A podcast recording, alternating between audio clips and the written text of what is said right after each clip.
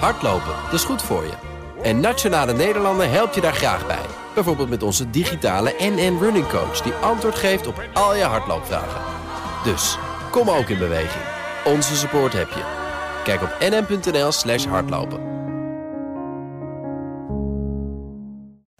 The Daily Move. BNR Nieuwsradio. Kees Dorrestein en Liesbeth Staats. Minister Rob Jetten voor Klimaat gaat een einde maken aan fossiele subsidies. Dat zei hij vandaag tijdens het klimaatdebat in de Tweede Kamer. Ja, voorzitter, er zijn voordelen voor fossiele energie. En over het bedrag en de definitie zijn allerlei discussies gaande. En afgesproken is om al die voordelen voor fossiele energie zo snel mogelijk af te bouwen. GroenLinks en PvdA riepen hem op dan dat gelijk te doen, dat afbouwen. Maar Jette wil en kan daar nu nog geen gehoor aan geven. Soms kunnen we ook niet altijd meteen van fossiele voordelen af... vanwege Europese richtlijnen of internationale verdragen.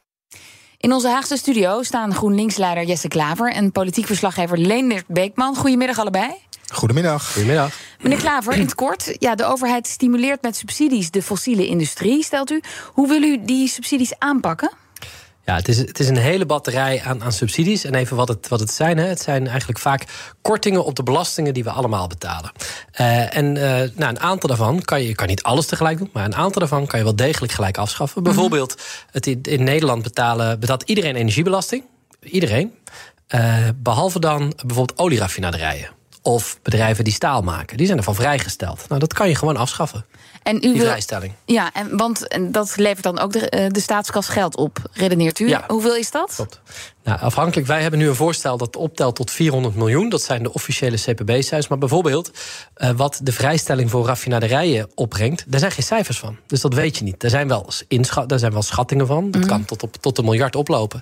Dit ga, kan gaan tussen, over bedragen tussen de 4 miljard euro en 17 miljard euro. Oké, okay, nou over de consequenties daarvan spreken we zo verder, want die zijn er. Uh, eerst Leendert, gaat de Kamer mee met dit voorstel van GroenLinks en de Partij van de Arbeid? Nou, rechts van de VVD is er überhaupt niet veel steun voor welke klimaatmaatregel dan ook. Dus het is het interessanter om naar de coalitie te kijken. D66 beloofde voor de verkiezingen om te kijken naar die subsidies of die subsidies voor fossiele industrie. Willen ze aanpakken? Nou, D66-Kamerlid Raoul Bouke sprak daar vandaag ook over, uiteraard, in de Kamer. Ik wil ook zo snel als mogelijk van de fossiele subsidies af. Ik zie dat het kabinet daar een stap toe zet. Ik vind het heel belangrijk dat we gaan versnellen daarop. Ik kijk, ik kijk naar de amendementen van mevrouw Krug, maar het moet wel kunnen in de tijd. Ja, het moet dus kunnen in de tijd. Hè? Dat is het voorstel van, uh, van GroenLinks. Uh, en ook. Uh, Peter, of, ja, Peter Ginwis van de ChristenUnie vindt het te snel gaan. Dat we daarvan af moeten en sowieso van af moeten, af moeten van het fossiele tijdperk, daar is wat mij betreft geen discussie over. Waar wel een boom over op te zetten is, naast over definities en omvang, dat gebeurt ook veel, is de snelheid waarmee we fiscale ongelijkheid opheffen en het doel bereiken, een fossielvrije wereld. Probleem is nu dat we, vooral tijdens kabinetsformaties, ad hoc besluiten tot het afschaffen van een paar van die fossiele subsidies. Enerzijds is daardoor de tijd vaak kort voor economische sectoren om zich hierop aan te passen, waardoor bovendien vaak de kleinere lokale bedrijven op de fles dreigen te gaan, terwijl de grote conglomeraten een boost krijgen. Anderzijds, anderzijds ontbreekt een duidelijk tijdpad wanneer het met welk voordeel is gedaan. Pieter Ginwis dus van de ChristenUnie en hij zegt dus het gevaar is dat de grote jongens niet aangepakt worden, maar dat de kleine ondernemers er, hmm. er de dupe van worden. En dat geluid hoor je ook bij de VVD. Als je een aantal regelingen intrekt, zoals in het amendement voorgesteld wordt, per direct, laten we eentje pakken. De uh, vrijstelling voor de glastuinbouw. Nou, dat staat al in het coalitieakkoord. Het voorstel is, we halen dat naar voren. Ja, dat betekent gewoon dat je bedrijven die nu al met hoge rekeningen geconfronteerd wordt, gaat omduwen. Dat is de consequentie ervan. Ja, meneer Klaver, hoe gaat u dat voorkomen? Dat, dat bedrijven die dan nu uh, geen gebruik meer kunnen maken van die vrijstelling, ja, die, die kunnen niet zo snel uh, verduurzamen. Ik zit nu 12 jaar, ruim 12 jaar in het parlement. En ik heb uh, de economische crisis zeg maar, van 2008 hier meegemaakt. Hè, de nasleep van mm -hmm. de eurocrisis in 2010. Ik heb uh, hoogconjunctuur meegemaakt. Ik heb nu weer die hele hoge inflatie meegemaakt. En het maakt eigenlijk niet uit wat de stand van de economie is. Het is altijd een slecht moment om die subsidies af te schaffen. Want ze hebben het over het tempo en wanneer doe je het. We stellen dit al voor sinds de oprichting van GroenLinks 30 jaar geleden. En toen ik 10 jaar geleden financieel woordvoerder was, diende ik vergelijkbare amendementen ook in. Dus er is nooit een goede tijd. Nee, oké, het, maar- probleem is, Ja? het probleem is, er wordt te klein gekeken naar wat zijn de consequenties voor welke sector. We zitten in een enorme klimaatcrisis. De aarde warmt op. En we zitten op een traject dat we naar drie graden opwarming van de aarde gaan. Weet u wat dat betekent? Dat alle, van alle dieren, alle planten, de hele biodiversiteit op de aarde, dat een derde daarvan uitsterft. Maar dat dan- is waar we het over hebben. En u vraagt mij, wat is de consequentie morgen bijvoorbeeld voor een, voor, voor een bedrijf en die bedrijvigheid? De consequenties van niks doen zijn vele malen groter. Maar goed, uw collega's in de Kamer die we net hoorden, die zeiden van ja, nee, wij zijn het eens. Dit moet, die, die, die klimaatcatastrofe die op ons afkomt, die moeten we stoppen. Maar we moeten mensen wel de kans geven om af te bouwen. Maar u wilt echt morgen. Nou, wij willen dat het, dat het direct wordt afgeschaft. En de snelste is 1 januari 2024. En we wachten al zo lang. Als ze echt hadden gewild, en daar word ik om heel eerlijk te zijn, wel een beetje moe van. Het gaat gaat over, over. het- Je hoort het ook bij stikstof, om even die vergelijking te trekken. Daar wordt ook gezegd, nou, boeren moeten zich wel kunnen voorbereiden. We weten al sinds de jaren 90, was eigenlijk sinds de jaren 80, dat we te veel dieren in Nederland hebben.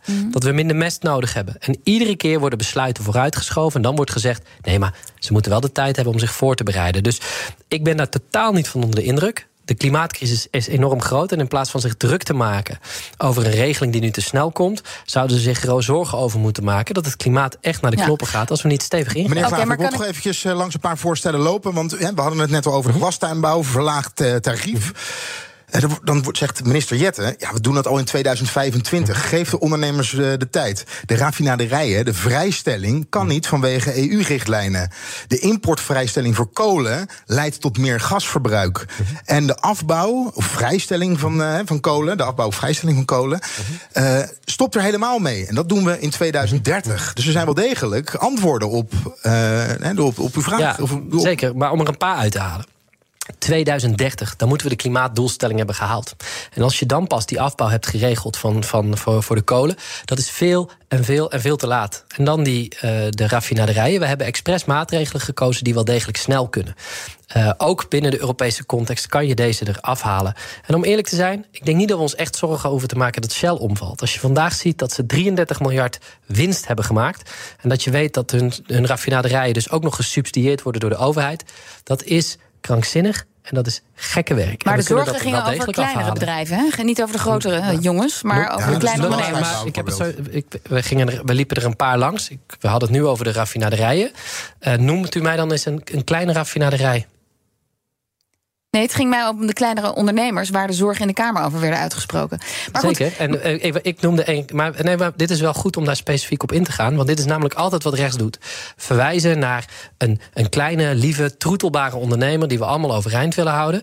Ik heb het over bijvoorbeeld die raffinaderijvrijstelling. Daarvoor zeg ik, noem mij dan maar een kleine raffinaderij. Dan hebben we het over de Exxons van deze wereld. Gisteren 40 miljard winst.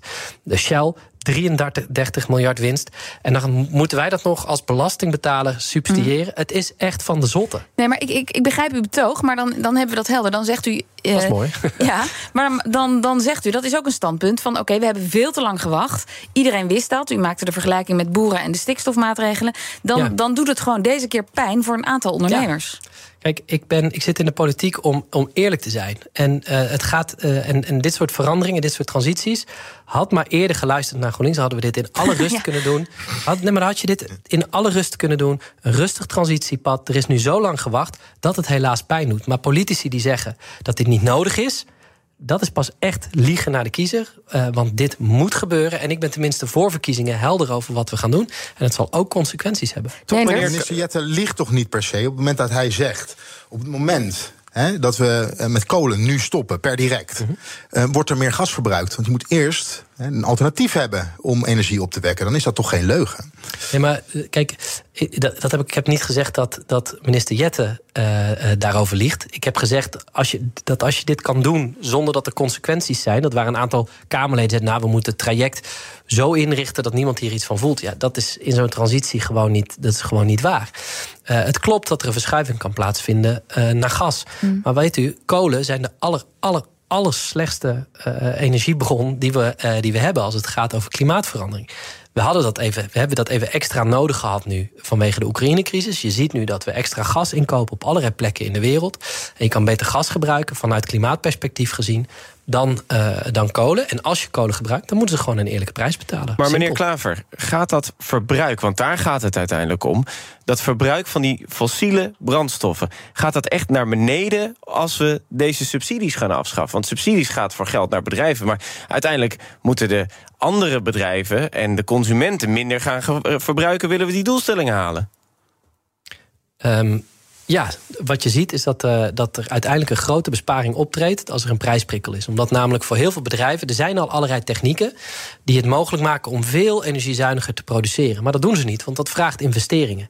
En die investeringen wegen niet op tegen de winsten die ze nu maken. Mm. En doordat vervuiling duurder wordt, zal je zien dat er meer wordt geïnvesteerd in innovatie. Uh, en dat zorgt ervoor dat er minder uh, uitstoot komt. Een heel mooi voorbeeld daarvan is in Europa zijn afspraken gemaakt over. Uh, ik meen dat het stofzuigers waren. En dat daar de efficiëntienormen van omhoog moesten.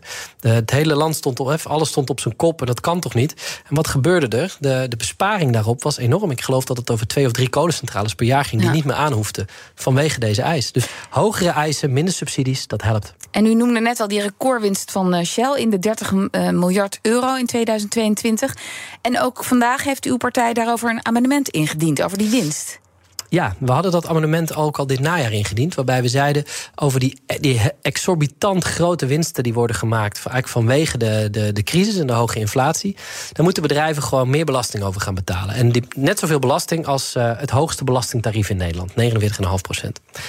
Um, dat amendement is toen weggestemd. Eh, door de coalitie. En we doen vandaag nog een poging om dat er wel in te krijgen. Want 33 miljard winst is echt van de zotte. Uh, en uh, als je zoveel winst maakt, dan kan je ook bijdragen aan de samenleving. om ervoor te zorgen dat we mensen die nu niet kunnen rondkomen. hun boodschappen niet kunnen doen. de energierekening niet kunnen betalen. dat de overheid voldoende geld heeft om hen te helpen. Leonard, hoe ligt dat verder in de Kamer?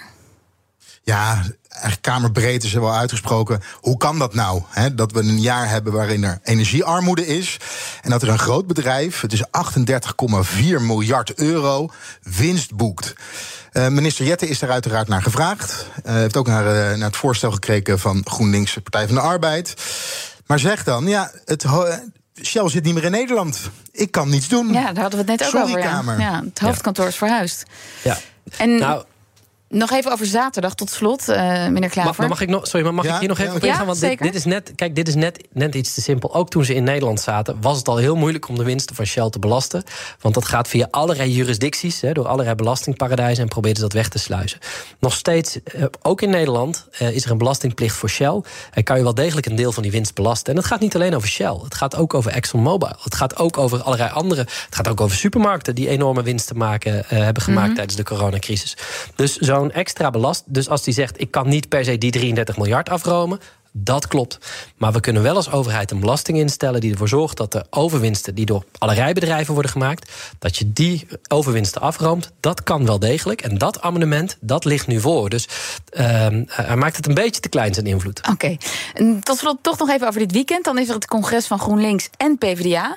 En dan gaat het natuurlijk over die samenwerking tussen de partijen. Bent u na het weekend ook lid van de Partij van de Arbeid? Uh, nee. Nee, dat hoeft niet. Nee, nee, dat komt uh, vast een keer, maar niet nu. Oké, okay, nou dat is al wel een voorspelling. GroenLinks-leider Jesse Klaver en politiek verslaggever Leonard Beekman, dank jullie wel. Hardlopen, dat is goed voor je. En Nationale Nederlanden helpt je daar graag bij. Bijvoorbeeld met onze digitale NN Running Coach... die antwoord geeft op al je hardloopvragen. Dus, kom ook in beweging. Onze support heb je. Kijk op nn.nl slash hardlopen.